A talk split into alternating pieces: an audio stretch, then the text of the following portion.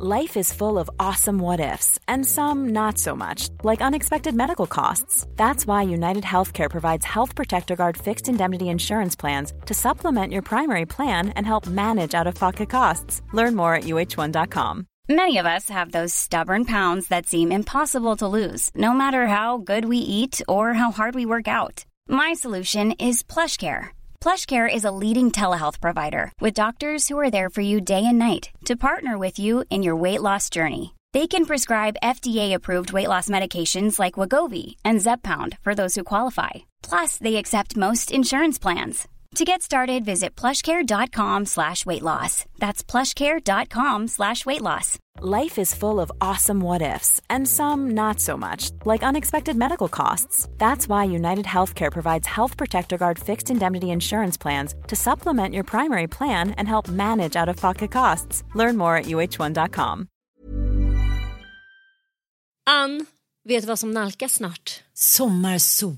Och min berömda midsommarfest. Det är din älsklingstradition. Och vad passar då inte bättre än att vi denna vecka sponsras av Rusta? Jag drog iväg till Rusta och gjorde, du vet, den här episka inköpskavalkaden. Alltså de har så mycket bord, stolar. Dynlådor. Och det lampor. roligaste av allt. Ja, lampor, mattor. Det där. Gud vad man älskar det. För jag måste säga så här. Det spelar ingen roll hur fina möbler du har. Om du inte har lullullet, Mm. de fina ljusslingorna, ljusen, lyktorna, blommorna. Kuddarna, Nej, mattorna. precis. de Det måste utemattor. spegla Ja. livet, det underbara livet. Hörni, gör som vi. Gå in på Rusta och botanisera bland alla deras helt fantastiska utemöbler och allt sortiment av det vi väljer att kalla skatklitter för din sommarfest. Tack Rusta för att ni sponsrar Inte din morsa. Tack, vi är så glada. Kära lyssnare, vi vill nu uppmärksamma er på att vi även i vår kommer hålla kurser i medberoendekunskap, kan man väl kanske kalla det för. Ja, anhörigskap, ett sätt att hitta eh, sin egen platå brukar jag prata om, om man känner att man hamnat i en eh, återvändsgränd med någon som står en nära. Och det är som vi har pratat om innan, att eh, vem som helst som anser att den eh, har hamnat i en problematisk situation med eh, någon som har ett beroende. Det kan ju vara träning, eh, man kan vara anhörig till sin pappa som är psykiskt sjuk eller dricker för mycket. Det finns många olika ja, anhörigskap eller medberoenden och alla är välkomna på de här kurserna. Och det är så här att vi har ju utforskat eh, Zoom, Zoomens fantastiska värld. Så kurserna hålls via Zoom, det vill säga att du kan sitta tryggt och säkert hemma i ditt hem och eh, delta via Zoom. Eh, vi kommer dra igång nya kurser. Eh, det är åtta tillfällen, en och en halv timme per träff. Med start den 2 februari 19.00 är den första kursen och så åtta tillfällen framåt. Man är max 12 deltagare i varje grupp. Och eh, våra träffar inleds då med en kunskapsspäckad föreläsning med antingen mig eller Ann. Och sen går vi vidare med delningar, det vill säga att alla ni som är med på kursen får dela med er av det som ligger er närmast hjärtat. Nytt för i vår är också att vi kommer att hålla lunchkurs på torsdagar med start den 4 februari, åtta torsdagar framåt, lunch. Från klockan 12 till 13.30. Ni haspar i ordning er lilla lunch och så slår ni er ner framför Zoom och så har vi eh, fantastiska eh, lärorika träffar om medberoende och anhörigskap och framförallt så får ni verktyg att ta er ut ur eh, medberoende. Hörni, om ni är intresserade av de här kurserna, de börjar som sagt, tisdagskurserna, kvällskurserna börjar den 2 februari och eh, lunchkurserna börjar den 4 februari. Vill ni vara med på de här kurserna, skicka ett DM på Instagram till mig. Sanna Lundell heter jag på Instagram. Bra! Eller hur? Det här är ju fantastiskt. Vi hade ju en kurs i höstas som var något av det mäktigaste som jag har fått ta del av i alla fall. Tio fantastiska kvinnor som gjorde varsin helt enorm resa och det var, det var så mycket glädje, det var så mycket kärlek, det var så mycket också sorg som kom fram förstås. Men vi fick se helande på hög nivå, vilket var väldigt, väldigt fint. Vi har även eh, en sida på Facebook om ni vill gå in och läsa lite mer och den heter Djävulsdansen. Så tveka inte utan anmäl er, det kommer göra er gott. Vi är så glada att få kunna hjälpa till.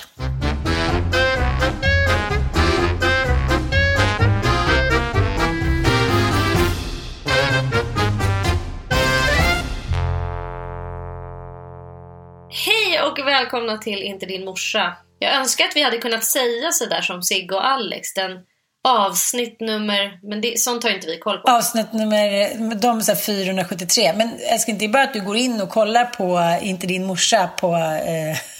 Jo, jag fattar det. Men, men jag är ju... Jag är ingen människa som Jag gör kan kolla det åt dig. Jag kan kolla det. Nej, jag vågar inte. Vi måste så mycket med tekniken. Vi, vi, har, vi, vi ligger Ja, lågt här. jag menar det. Det är så mycket. Vi kan inte liksom göra det samtidigt när vi håller Jag på. saknade dig i spåret. Det hade varit så kul om du var med och gjorde hela Vasaåket. Ja, jag hade verkligen... Fy fan vad jag hade önskat det. Men det var faktiskt min, min, min galna ischias som kände att jag kommer aldrig kunna göra det. Men, men nu är den över eh, och förbi. På grund av... Jag ska gå in på det. Vad jag, vad jag tror att det beror på. Men, eh, och sen så vet jag att jag, har, jag kommer inte ha tid. Alltså jag är ju förpassad till hemmets fyra väggar den här våren som hemmafru. Precis. Mm. Och eh, du ska inte säga varför, utan du har bara tagit på dig den. Det är en cliffhanger. jo, men för er som är intresserade så är det nämligen så att min, eh, alltså barnpappan, han kommer jobba utomlands fyra dagar i veckan. Och jag kommer då vara tvungen att vara barnmamma de här fyra dagarna i veckan. För det är väldigt svårt att få hit någon au pair. Vi har ju haft en au pair, men det går ju inte att få hit au pairer nu på grund av corona-helvetet. Och dessutom så är alltså vi, det är svårt att hitta barnvakter och, och den typ av hjälp också nu när det är corona. Så att eh, det blir så här. Jag blir hemmafru mot min vilja.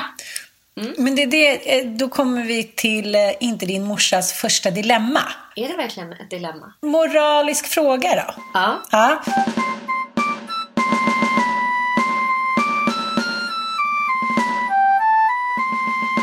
Nu hörde du den här nya vignetten som jag surprisar dig med så här, i snökaoset. Och det är då eh, Calling Freud.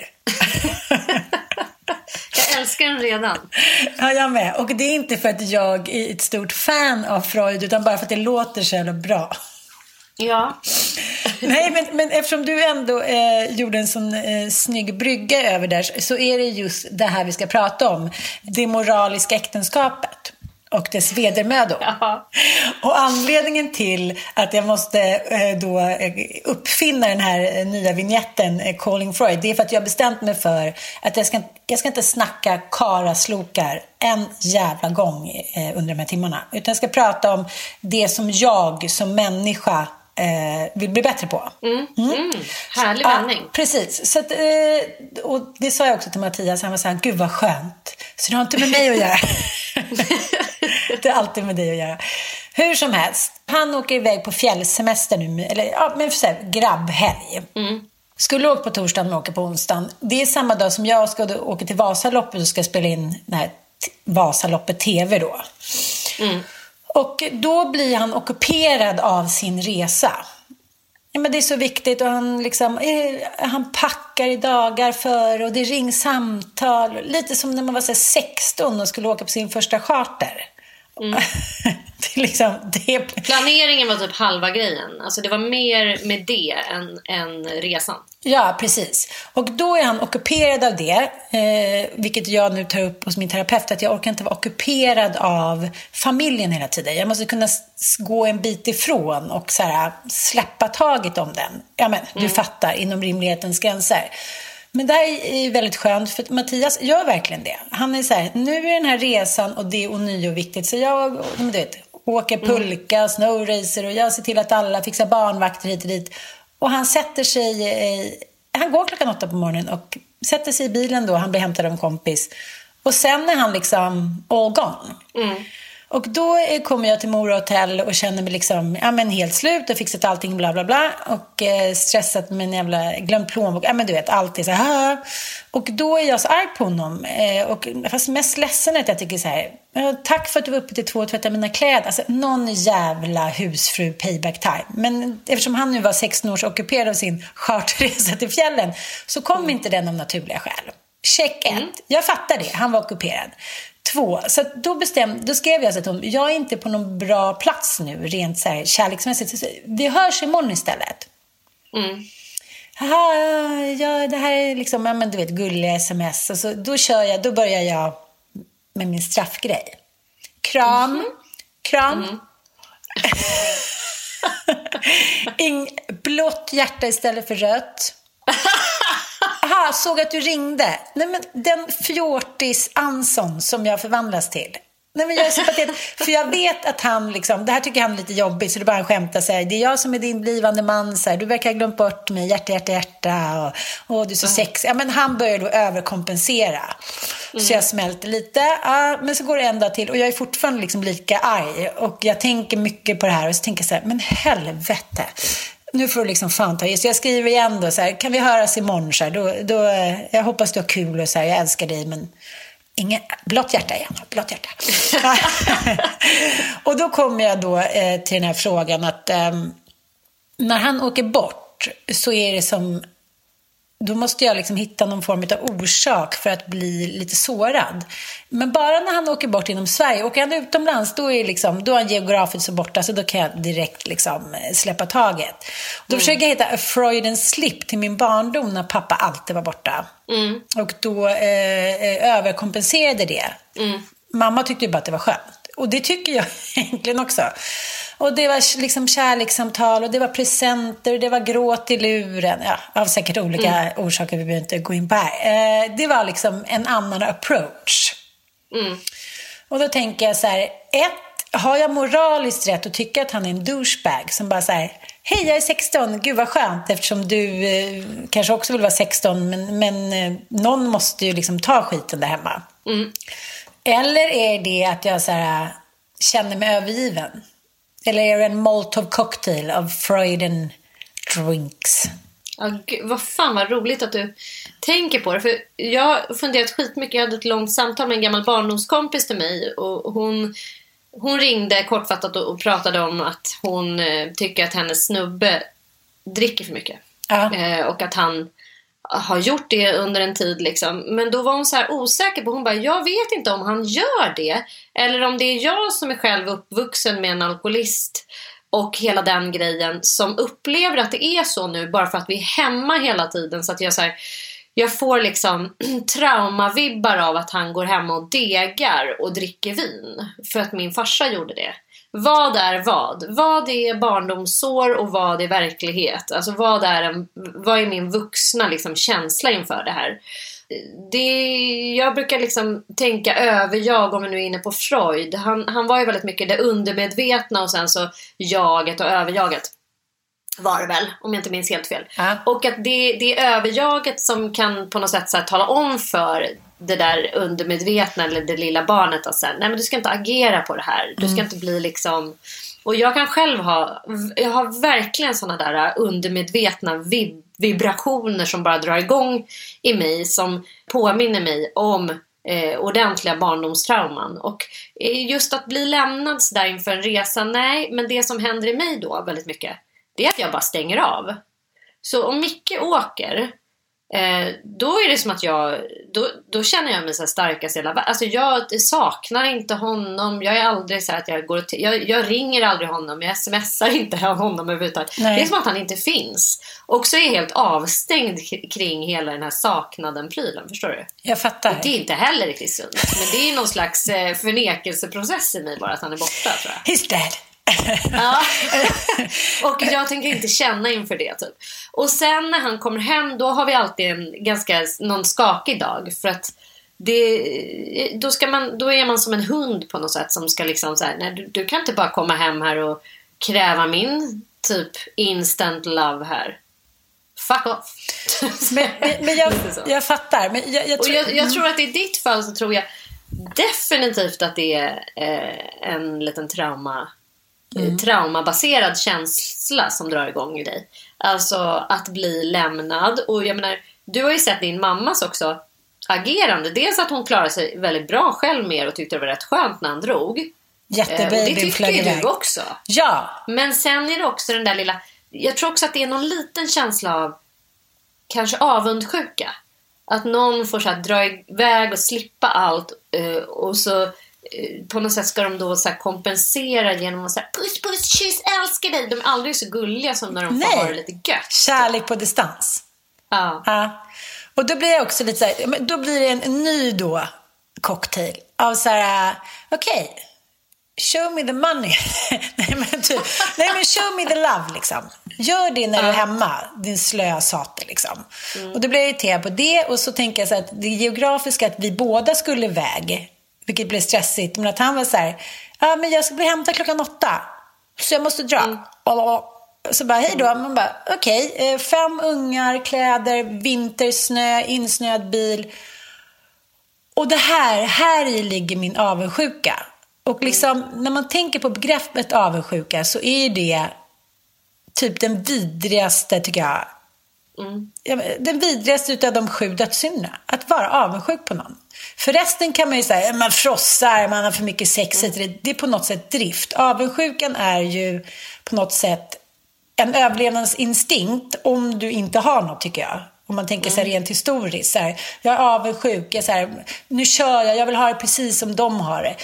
Men jag är ju inte avundsjuk. Jag har aldrig varit avundsjuk på dig eller på någon rik människa. Jag är avundsjuk på just det att slippa människor som tycker att det är okej okay, att slippa vardagen, typ. Ja, men jag tror också att det du är avundsjuk på, det är liksom den här för att jag menar, Mattias tar ju då ansvar för sina behov av att dra iväg på en grabbhelg. Och han annonserar också, jag kommer åka klockan åtta. Det vill säga, jag kommer inte stå med några overaller eller komma för sent till min polare eller ha någon panik eller någon stress över det. Utan nu har jag packat och ägnat mig åt förberedelse i tre dagar och nu ska jag åka klockan ja, åtta. och jag har okejat det. Ja. ja, du har okejat det. Ja. Så du blir liksom arg på dig själv som har okejat det. För du hade ju kunnat säga då så här, men det funkar inte Mattias. Då får du gå upp klockan sju och hjälpa mig med barnen för jag ska till Mora. Mm. Men då är du den här det är, liksom det är där. där. vi har kärnan hela tiden. Där. Du är också medberoende. Så mm. du är liksom för snäll, du är för gullig, du tänker hela tiden att så här, men det fixar jag och det är klart att han ska få komma iväg och så här.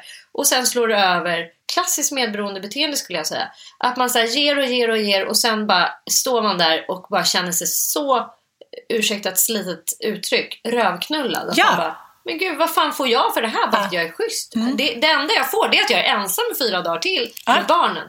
Det vore ju istället rimligt att han jobbar in i kaklet till klockan åtta. Precis. Och det är det du som ska se till att han gör mm. ju. Att bara säga nej, nej, nej, men ska du åka klockan åtta och vara borta i fyra dagar, då är det du som får ta morgonen. Fem. Han ska vara borta i fem dagar. Mm. Då får du ta allting fram till dess. Och fixa en barnvakt för den här dagen när jag ska till Mora. Men den har väl du också fixat antar jag? Ja. Ja. Jag vet. Jag rövknullar mig själv. Jag rövknullar mig själv. Nej, jag rövknullar mig själv. Ja, och det är där jag tycker du var spot on här i början. Att du ska liksom inte älta Mattias då eventuella brister utan så här, vad kan du göra annorlunda till nästa gång? Sluta äh. vara snäll. Sluta vara en överkompenserande eh, douchebag mot dig själv. För det är också så här, din pappa må ha varit kanske då, vad ska man säga, bristfällig på olika sätt.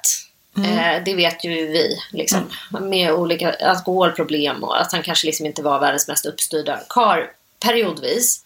Men Mattias är ju inte det. Nej. Så han borde väl def- så du behöver inte du behöver inte agera mot honom som din mamma agerade mot din pappa. Nej, och det, det där, där har vi det stora Freudian slip, eller Freudian problem. Att jag liksom behandlar alla mina snubbar som min farsa. Fast, mm. Inklusive dina söner. Ja, Fast de är inte det. De är så jävla mycket mer kompetenta. De är så jävla mycket mer uppstyrda. Som igår kväll stämde klockan tio. För då vill Lina ha köttfärssås och spagetti när han har varit och tränat.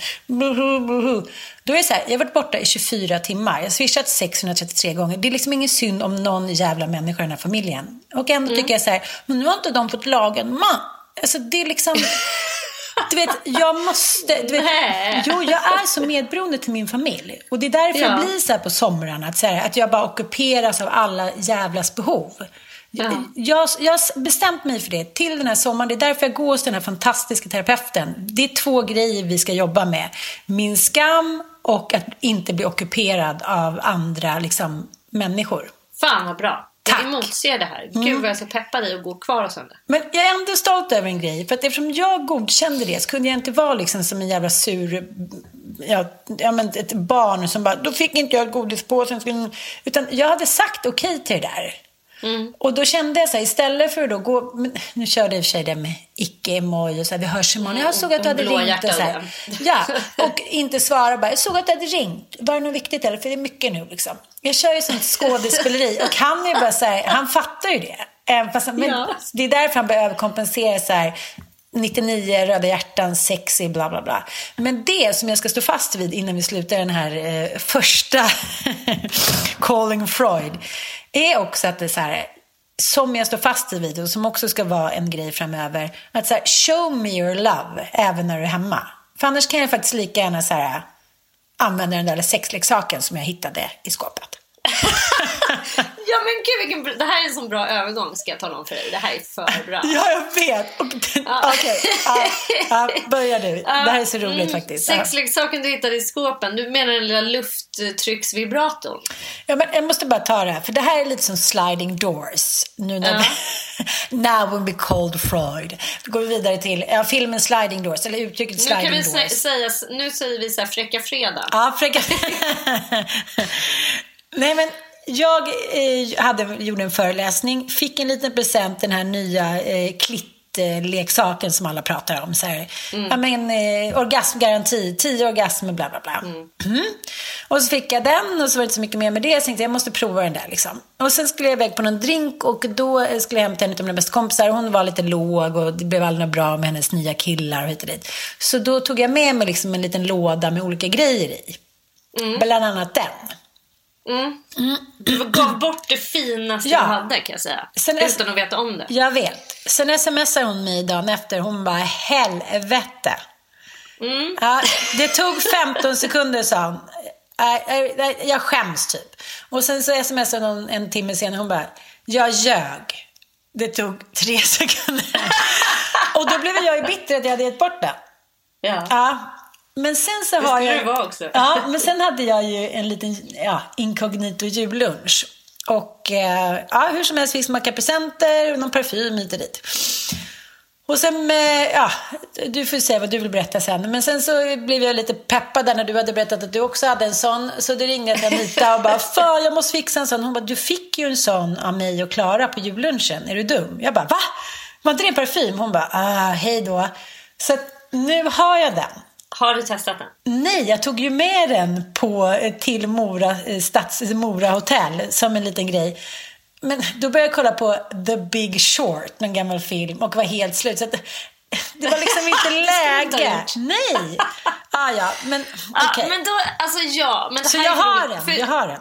Ja, men nu, nu då, är din, då har du ju en läxa till nästa vecka. Men jag ska ju bara, så här.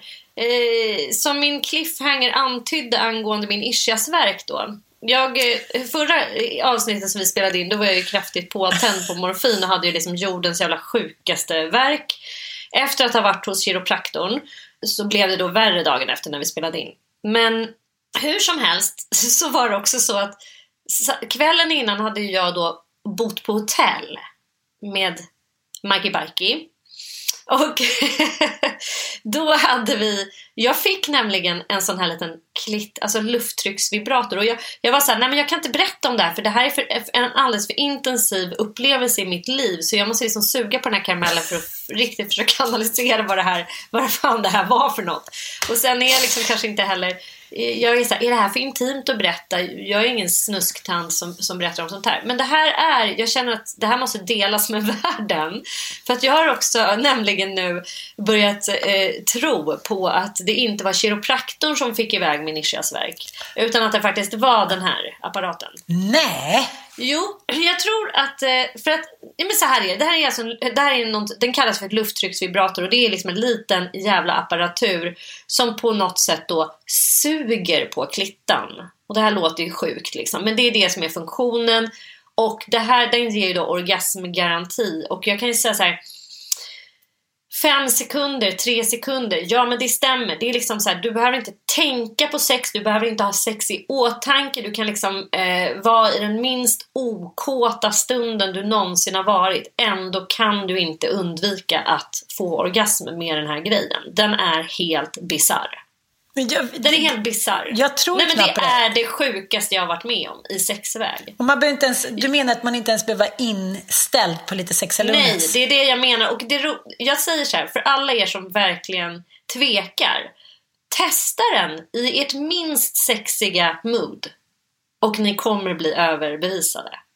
Det, det, är liksom, det, det är bortom ord. Jag vill inte egentligen marknadsföra en produkt på det här viset. Men jag vill verkligen tipsa alla som har svårt att komma eller som behöver få igång sin sexualitet. Alternativt har ischias och spänningar i bäckenbottensmuskulaturen. Att testa den här. För att eh, den, är, den är sjuk, den är magisk och den eh, kommer förändra ert liv på ett eller annat sätt. Eh, och jag såg nu också att Lady Damer eh, i sin story igår tipsade om den här och så här, köp, den var på rea på något ställe. Eh, jag vet inte eh, exakt var. Men det är liksom, vi är inte ensamma om det här och vi är väl snarare sena på bollen. Jag har hört talas om den här men har liksom fnyst lite fraktfullt åt den och tänkt att så här, men vad fan. Men det här liknar någonting, det vi höll på med när vi gjorde research inför den fantastiska historien. Ja. Eh, alltså då var det väldigt populärt på sent 1800-tal, tidigt 1900-tal, apropå Freud, att liksom, eh, kvinnor led av hysteri och man började förstå att den här hysterin kunde då botas med onani. Men eftersom det var extremt förbjudet då för kvinnor med självbefläckelse så fick den här onanin utföras av en läkare. Dr. Brandt. och de första, det finns flera filmer som handlar om det här. Maggie Gyllendahl spelar ju en utav, jag vet inte, kommer inte ihåg vad den heter, men The Machine eller något sånt där. Men eh, det, det, det uppfanns då olika typer av eh, knullmaskiner och dildos för ändamålet och det här gav fantastiska resultat. Så det här var liksom en terapi som utfördes av läkare. Och det var så de första sexleksakerna kom till. Eh, med liksom batterier och batteridrift och sånt. Så det var Eh, medicinsk, det var ju en medicinsk Ja, det var ju medicinskt. dildo. Och det, var, det, var liksom, det var ingen... Det var typ enda stället där kvinnor kunde gå och så här avnjuta sex typ eh, utan att det skulle vara skamligt på något sätt. Och Mm. de skulle förväntas vara oskulder och kyska och bara knulla för att få barn och sånt. Men ja, nej men det här är sjukt. Ja, men jag, jag, jag kan naturligtvis inte eh, hävda och jag, jag hoppas inte min kiropraktor tar illa vid sig om man skulle lyssna på det här mot all förmodan. Att jag då tror mer på den här lilla apparaten än på hans Det var en mix. Magic Det var en Healing lyckad Hands, men- mix. det var en lyckad mix tror jag. Och eh, som sagt, jag råder verkligen dig att testa och komma med en utförlig analys. Om du håller med mig om det här. För jag har Ja. också hört, jag har, ju- du och jag har en kompis som heter, hon går under namnet Krullkarro. För att hon har så lockigt vackert hår. Eh, och hon, hon har ju arbetat i, i olika så här, sexleksaksaffärer och eh, har ju bra koll på utbudet. Och hon, hon har ju någon annan favoritleksak och det är någon sån där stor jävla grej som ser ut som en eh, borrmaskin eller vad fan. Alltså, du vet med en sån här stort huvud liksom och så är det bara, det är som någon stor jävla burrgrej liksom. Som-. Mm, det är någon typ av vibrator som också är någon, en klittstimulator. liksom. Och hon är såhär, nej men den, den det är den bästa jag har haft och den har jag alltid typ. Jag bara okej, okay, men och så frågade jag henne om den här och då sa hon att om man har svårt att få orgasm då är den här lilla lufttrycksvibratorn eh, den absolut bästa, bästa, bästa. Eh, och eh, om man har lätt att få orgasm då kan man liksom vara för känslig för den. För den är jävligt, eh, den är den går rakt på sak om man säger så. Ja, men, men, men, Jävligt rakt på sak. men det jag undrar över känslan, för det är så roligt, för jag hittade en till sån där i någon låda, så jag, vet jag har så många som jag inte ens vetat om. Du, förstår, du märker hur inställd jag är på sex, det är fan ett skämt. Ja. Men den måste liksom vara lite urladdad, för den var bara lite så här... Nej, men den, nej, den måste bytas batterier på. De har ju olika program också, men det är inte... Det är inte vibrationen utan det är den här liksom så kallade sugeffekten. Jag som fattar. blodiga liksom. Men det jag undrar är bara, att ibland när man har så väldigt intensiva orgasmer och på den tiden eh, när man låg så himla mycket och man kunde få så här, ja men jag kunde få så här fem, sex, sju orgasmer i rad. Till slut så blir det ju nästan outhärdligt. Det är nästan som en smärta. Man är så här, jag orkar inte mer. Men äh, ja, ibland läser man om kvinnor som bara, jag, haft, eh, jag kan inte sluta få orgasm, jag har haft det i två år. Man bara, fy fan. Men det blir inte den känslan, det är ändå liksom den sköna orgasmen. Det är inte så här! Ja men det är ju verkligen så att det går inte att, ha, det går inte att fortsätta med den. Nej. Alltså det, nej nej nej, utan det är så här tre sekunder och sen bort med den bara. jag vill inte se dig din jävel. det är intensiva grejer här kan vi säga. Men, ja, ja. Det tål att testas, en utförlig då. Eh, alltså jag, jag vill höra din feedback Ja. på, på det här lilla redskapet. Fan, jag är så för pepp, den, den är alltså. faktiskt Det är- väldigt eh, upplyftande och det är en livsomvälvande händelse och att nyttja den här prylen, det måste jag säga.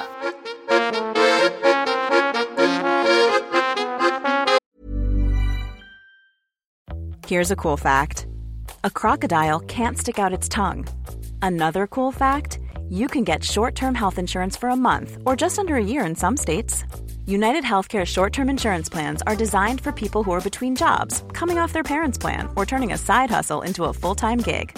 Underwritten by Golden Rule Insurance Company, they offer flexible, budget friendly coverage with access to a nationwide network of doctors and hospitals. Get more cool facts about United Healthcare short term plans at uh1.com. Hey, it's Ryan Reynolds, and I'm here with Keith, co star of my upcoming film, If, only in theaters, May 17th. Do you want to tell people the big news? All right, I'll do it. Sign up now and you'll get unlimited for $15 a month and six months of Paramount Plus Essential Plan on us. Mintmobile.com slash switch. Upfront payment of $45 equivalent to $15 per month. Unlimited over 40 gigabytes per month. Face lower speeds. Videos at 480p. Active Mint customers by 531.24 get six months of Paramount Plus Essential Plan. Auto renews after six months. Offer ends May 31st, 2024. Separate Paramount Plus registration required. Terms and conditions apply if rated PG. A lot can happen in three years, like a chatbot may be your new best friend. But what won't change? Needing health insurance. United Healthcare Tri Term Medical Plans, underwritten by Golden Rule Insurance Company, offer flexible, budget friendly coverage that lasts nearly three years in some states. Learn more at uh1.com. Hiring for your small business? If you're not looking for professionals on LinkedIn, you're looking in the wrong place. That's like looking for your car keys in a fish tank. LinkedIn helps you hire professionals you can't find anywhere else, even those who aren't actively searching for a new job but might be open to the perfect role. In a given month, over 70% of LinkedIn users don't even visit other leading job sites. So start looking in the right place. With LinkedIn, you can hire professionals like a professional. Post your free job on linkedin.com slash achieve today.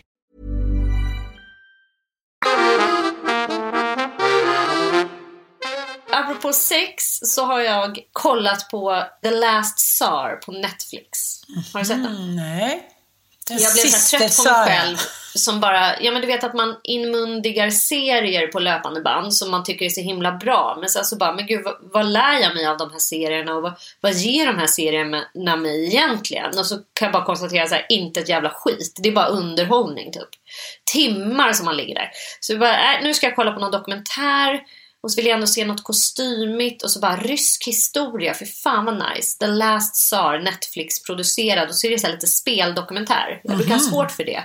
Men jag bara, nej jag ger en chans. Så kollar jag då på den här dokumentären. Och den är välspelad, snygg och sen så är det tre fantastiska då professorer som verkligen kan den sista tsartiden och liksom ryska revolutionen och vad som föregår ryska revolutionen och ja, hela tsarväldet helt enkelt. Sjukt intressant tycker jag. Som är fascinerad av Ryssland och det, du kommer älska det här. Så bara hugg tag i den.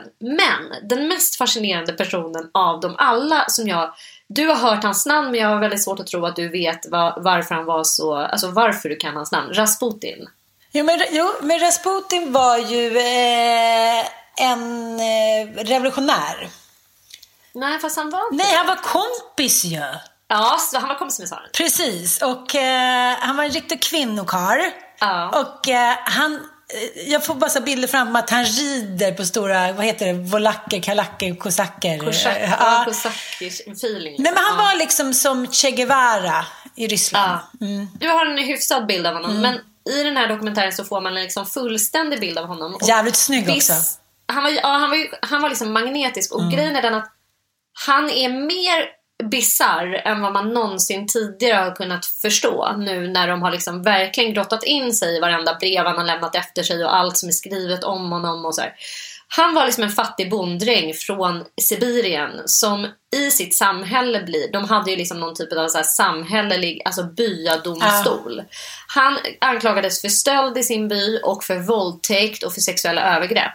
Och blev då Förvisad. förskjuten. Så då fick inte han vara i sin by längre. Och då tilldömdes han av någon jävla eh, liksom överste bonde där att han skulle ge sig ut på pilgrimsfärd för att bota sina synder.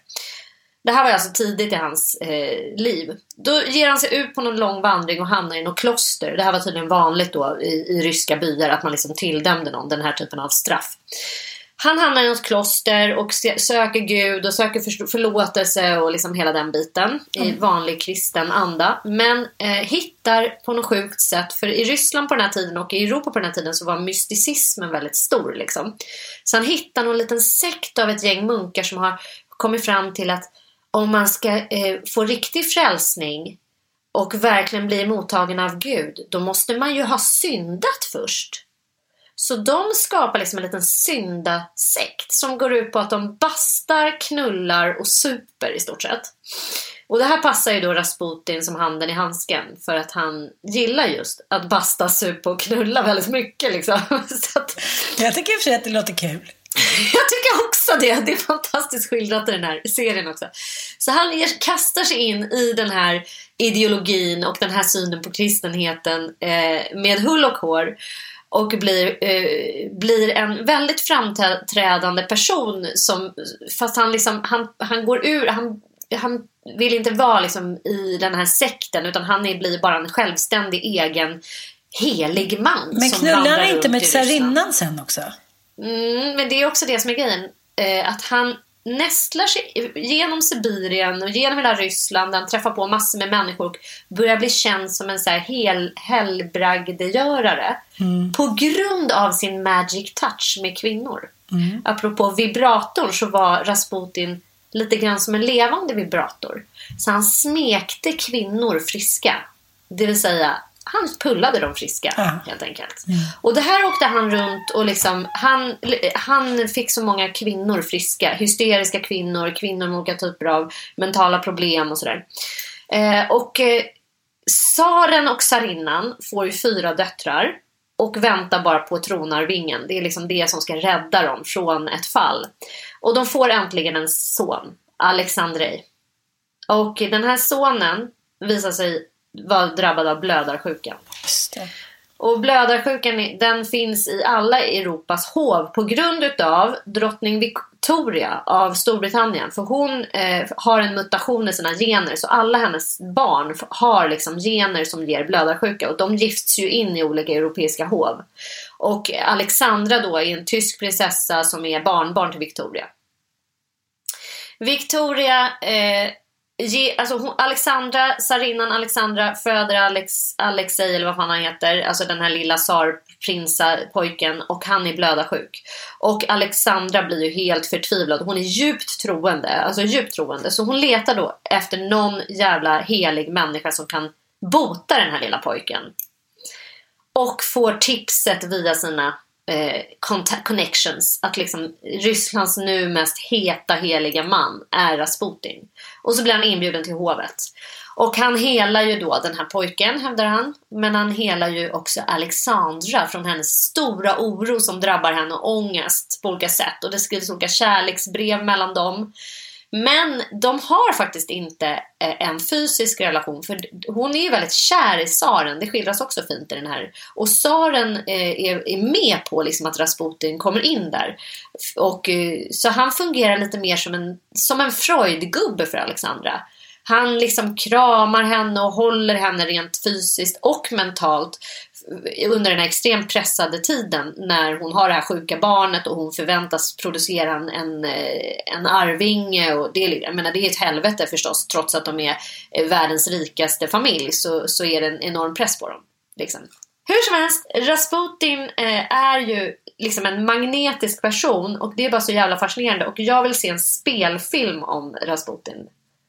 Du måste kolla på den här dokumentären och eh, läsa allt. Du kommer älska, jag vet det, för du delar ju liksom jag intresse för historia och han är bara en sån jävla fascinerande människa och vi får allt i den här karln. Han är liksom kvinnokar, han är knullerikille, han är också helig man. Han är liksom snygg, men han är också så jättesnäll och har väldigt hög moral och eh, är har massa så ganska sunda idéer om livet och är, han, är, han är verkligen en genomtänkt person som har tänkt igenom det kristna budskapet och sådär. Så han till exempel avråder tsaren för att ge sig in i krig. Men där går tsaren emot honom. Så han är en stor del av tsarrikets fall och det är framförallt när kärleksbreven men, mellan då Alexandra och eh, eh, Rasputin, de kommer i händerna på ett gäng präster som publicerar dem i pressen. Och det är, då, det är liksom början på på tsar, tsarrikets fall eller vad man ska säga. Men grejen var att jag kommer ihåg när jag gick så på gymnasiet kom det ut någon engelsk så här, superkänd biografi som blev så här, ja men typ berömd. Jag kommer ihåg att den var så komplicerad. Du vet så här, att jag liksom försökte och försökte och jag läste och försökte hit och dit. Men, men jag, jag kunde liksom inte knäcka den. Det var typ för advanced. Ja. Så att nu får jag tillbaka den. På ålderns ja. höst. Men nu får du se en lite mer lättsinnig. Den här, de har ju verkligen, alltså Netflix är ju fascinerande. De gör ju mycket bra grejer. Men de, de är ju också jävligt publiktillvända. Mm. Så när de gör en jävla dok, dokus... Vad heter såna där när det är spel och dokumentär i samma? Ja, men, Ilon, vad heter, vad heter en sån där dokumentär när de både spelar och sen så lägger de in lite så dokumentära bilder och filmer och... Spelar? Ja, men så här, en, en, dokumentär där det första spelas. Här, oh, det var, spelas? Ryska tsarriket till exempel. Och sen kommer det riktiga autentiska bilder och intervjuer. Så det är en blandning av en dokumentär och en spelad film. Film. Vet du vad det heter? Mockumentary. Ja, jag vet inte vad det heter. Men, men hur, hur som helst så, så är, har de ju då smaskat på väldigt mycket kring sex. För det, då fattar de ju att publiken gillar sex liksom. Mm. så då är det så här, det är mycket knulleriscener mellan tsaren och tsarinnan. Det är mycket så här, Rasputin sätter på brudar i bastun. De har liksom hajat att vi, vi Netflix publik eh, går igång på sex och då har liksom producenterna krävt det. Det är lite det är lite så kapitalistiskt bullshit, men det, det får man ta. För storyn om Rasputin måste fram. Det är ändå bra nu när man inte får kolla på porr. Ja, precis. ja, jag vet vad du ska göra i helgen älskling. Det blir The Last Tsar och klittvibrator. Herregud.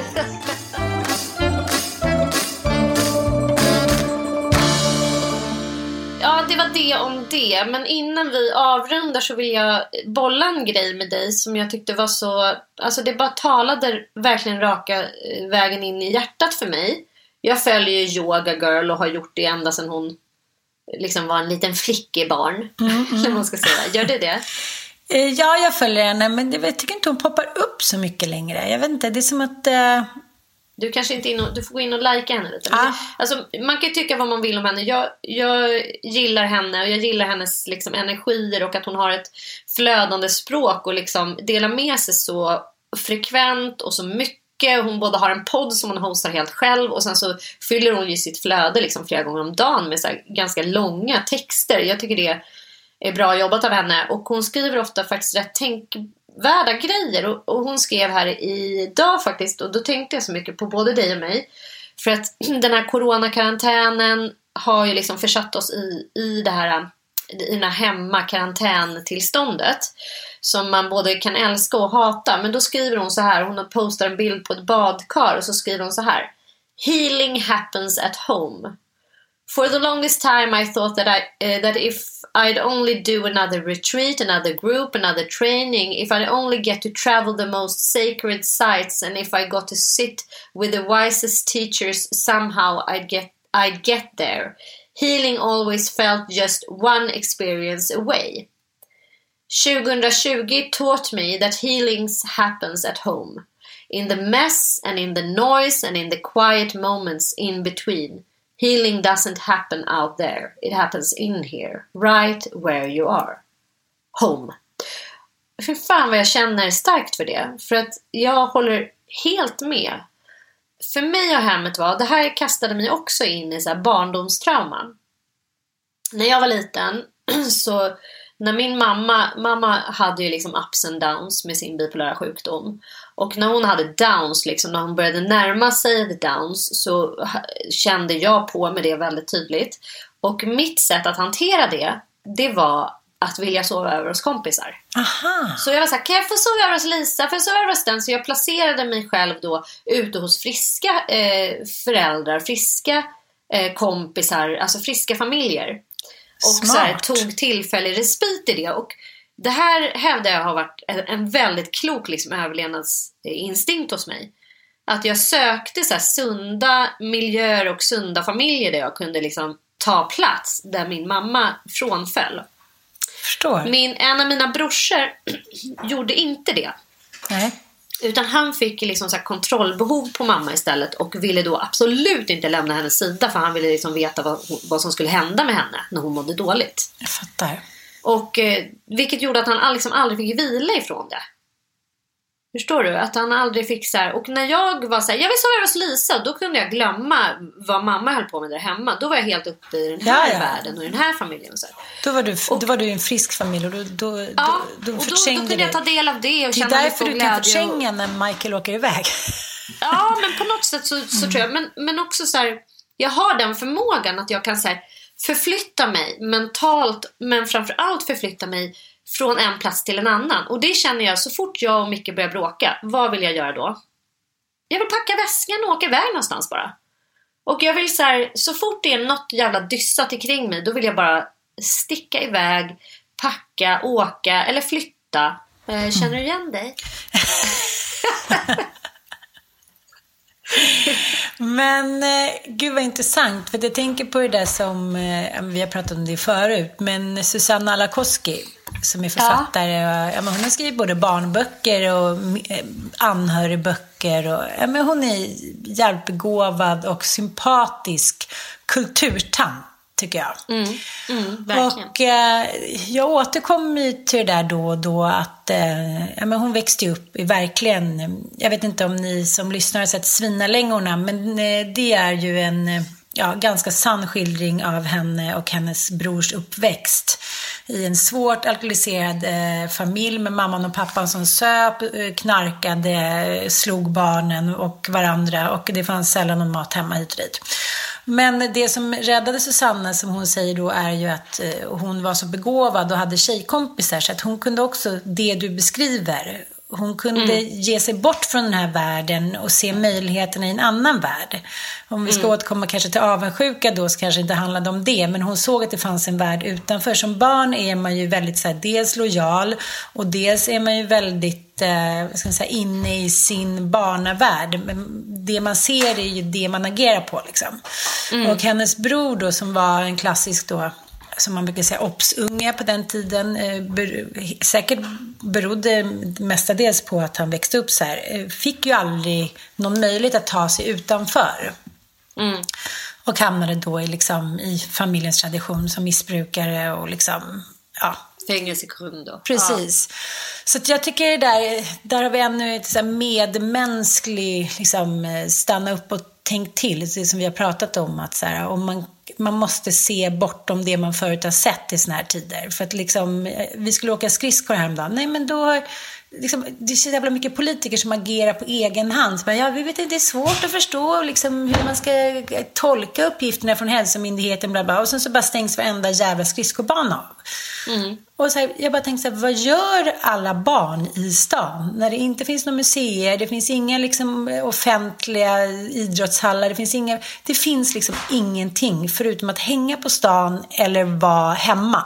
Det är det som är så hemskt att så här, hemmet för ett barn kan ju verkligen vara så extremt destruktiv miljö och även för, för vuxna förstås som är i klorna på liksom, eh, någon annan destruktiv person som man inte klarar av att gränsa eller eh, hålla sig ifrån som påverkar ens liv väldigt mycket.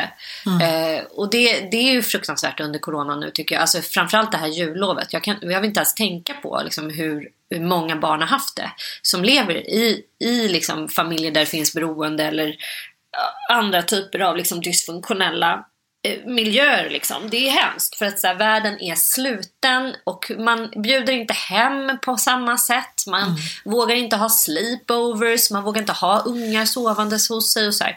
Och det vill jag verkligen uppmana alla till. Och det, det brukar vi säga när vi är ute och föreläser, liksom, att jag brukar säga var en Irene. Alltså jag hade ju en grannfru som verkligen så här, öppnade världen för mig och gav mig både kunskap om bero, beroendesjukdom och mm, hon pratade med mig om, om mm, liksom, hon lättade min, min börda i eh, den här stora hemligheten, liksom, att mamma låg och var deprimerad.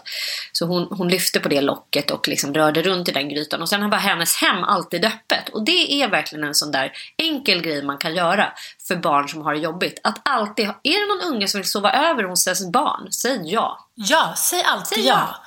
Säg alltid ja. Ja. Erbjud alltid eh, liksom, eh, en respit. Låt alltid ha ett öppet hem. Speciellt är det någon liten kompis till er unge som vill eh, so sova kvar eller hänga med en helg eller följa med till landet. Låt dem hänga med. För- Erbjud liksom en... Man behöver inte vara så kontaktfamilj eller fosterhemsfamilj. Eh, familj, alltså så. Det räcker med att bara ha ett öppet hem och visa att man kan ha ett bra liv i ett hem. Och det är väl liksom lite det som Yoga Girl visar. För det, det har jag känt också. Så för jag har de här flyktbeteendena väldigt djupt rotade i mig. Och jag, jag bara... Jag ser mitt liv väldigt mycket, eh, mitt livs höjdpunkter handlar väldigt mycket om att resa iväg, att åka iväg, att vara någon annanstans och så. Ja, bo på hotell. Och så är det för dig också. Men den här, den här, det här året har på något sätt fått mig att inse att mitt hem är också en plats där jag kan känna mig trygg. Mitt hem är också en plats där jag kan uppleva så stor lycka, stor eh, tröst. Alltså jag älskar mitt hem och jag älskar min familj mer än vad jag någonsin har gjort eh, efter det här året. Mm, jag håller med dig. Det. Alltså man bara landar i att säga, nej men jag lever inte i en dysfunktionell familj längre. Jag har ingenting som jag behöver fly ifrån. Nej. Eh, allt jag behöver finns här och allt jag... Eh, jag kan göra allt för att mina barn ska få uppleva liksom en god barndom här. Det, är, det är också det här freudianska traumat som ligger i en, att man hela tiden är på väg, att man bara ska packa, dra, sticka, uppleva grejer, maxa. Eh, och eh, resor gör ju också att man automatiskt kastas in i nuet, att man inte behöver tänka på det som var då, eller, utan man är bara så här, förhåller sig till nya vyer, nya eh, liksom, människor, ansikten, språk, annat. Alltså man blir så nu-orienterad när man är på resande fot. Vilket ju är magnetiskt och härligt. Speciellt om man har grejer som man absolut inte vill tänka på. Det är liksom det, det ultimata sättet att här, klara av att leva i nuet istället för att tänka fram och tillbaka och bli ockuperad av känslor från något förflutet eller något som man inte liksom. Men eh, ja, som avslutning kan jag också säga då att eh, just Freud, han var ju väldigt eh, besatt av sex.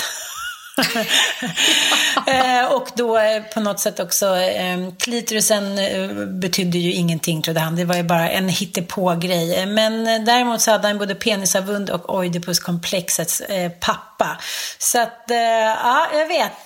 Det blev sex, Men jag tycker forskning. Liv Strömquist har skrivit en, eller tecknat en bok som heter Kunskapens frukt. En helt fantastisk bok som handlar om ja, allt ifrån gamla greker, stenålderskvinnor och Sigmund Freud då. Väldigt mycket om Freud, där hon liksom sågar Freud. Och det är ju roligt att såga Freud för att han har ju en hel del kvinno, kvinnofientliga påståenden i sin psykologiska teori. Bland annat liksom det här klitorisfraktet han har som du var inne på. och Sådär. Men jag tycker ändå att det är lite orättvist för att man måste sätta Freud i sin kontext, alltså i hans historiska kontext.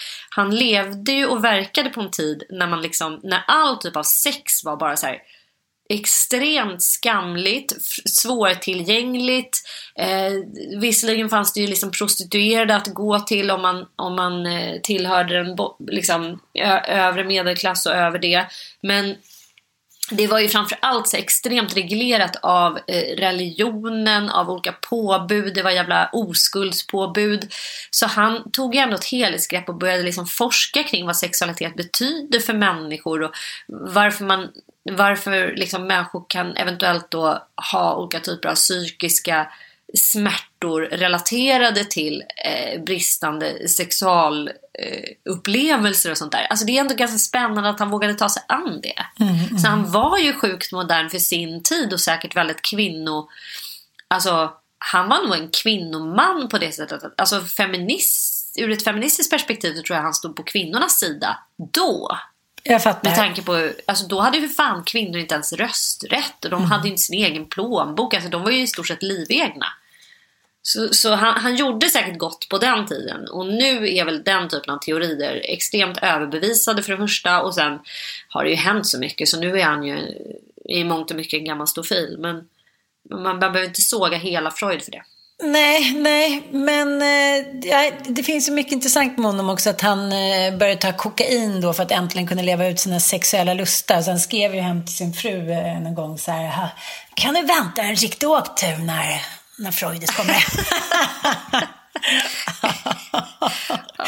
Aha, tack för att ni lyssnar. Vi älskar verkligen eh, att göra den här podden och eh, vi får mycket positiv feedback på att ni känner det och det gör mig väldigt, väldigt glad.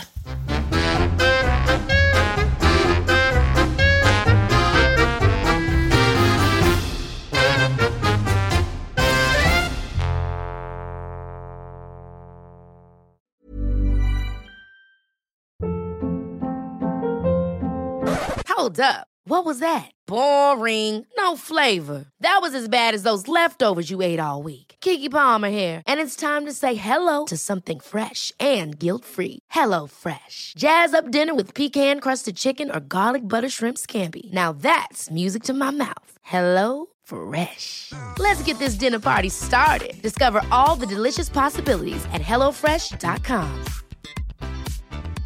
Hi, I'm Daniel, founder of Pretty Litter. Did you know cats tend to hide symptoms of sickness and pain? I learned this the hard way after losing my cat, Gingy. So I created Pretty Litter, a health monitoring litter that helps detect early signs of illness by changing colors, saving you money and potentially your cat's life. Pretty Litter is veterinarian developed, and it's the easiest way to keep tabs on your fur baby's health right at home. Go to prettylitter.com and use code ACAST for 20% off your first order and a free cat toy. Terms and conditions apply. See site for details. Even when we're on a budget, we still deserve nice things.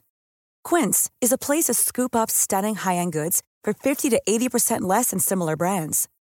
They have buttery soft cashmere sweaters starting at $50, luxurious Italian leather bags, and so much more. Plus, Quince only works with factories that use safe, ethical, and responsible manufacturing. Get the high-end goods you'll love without the high price tag with Quince. Go to quince.com slash style for free shipping and 365 day returns.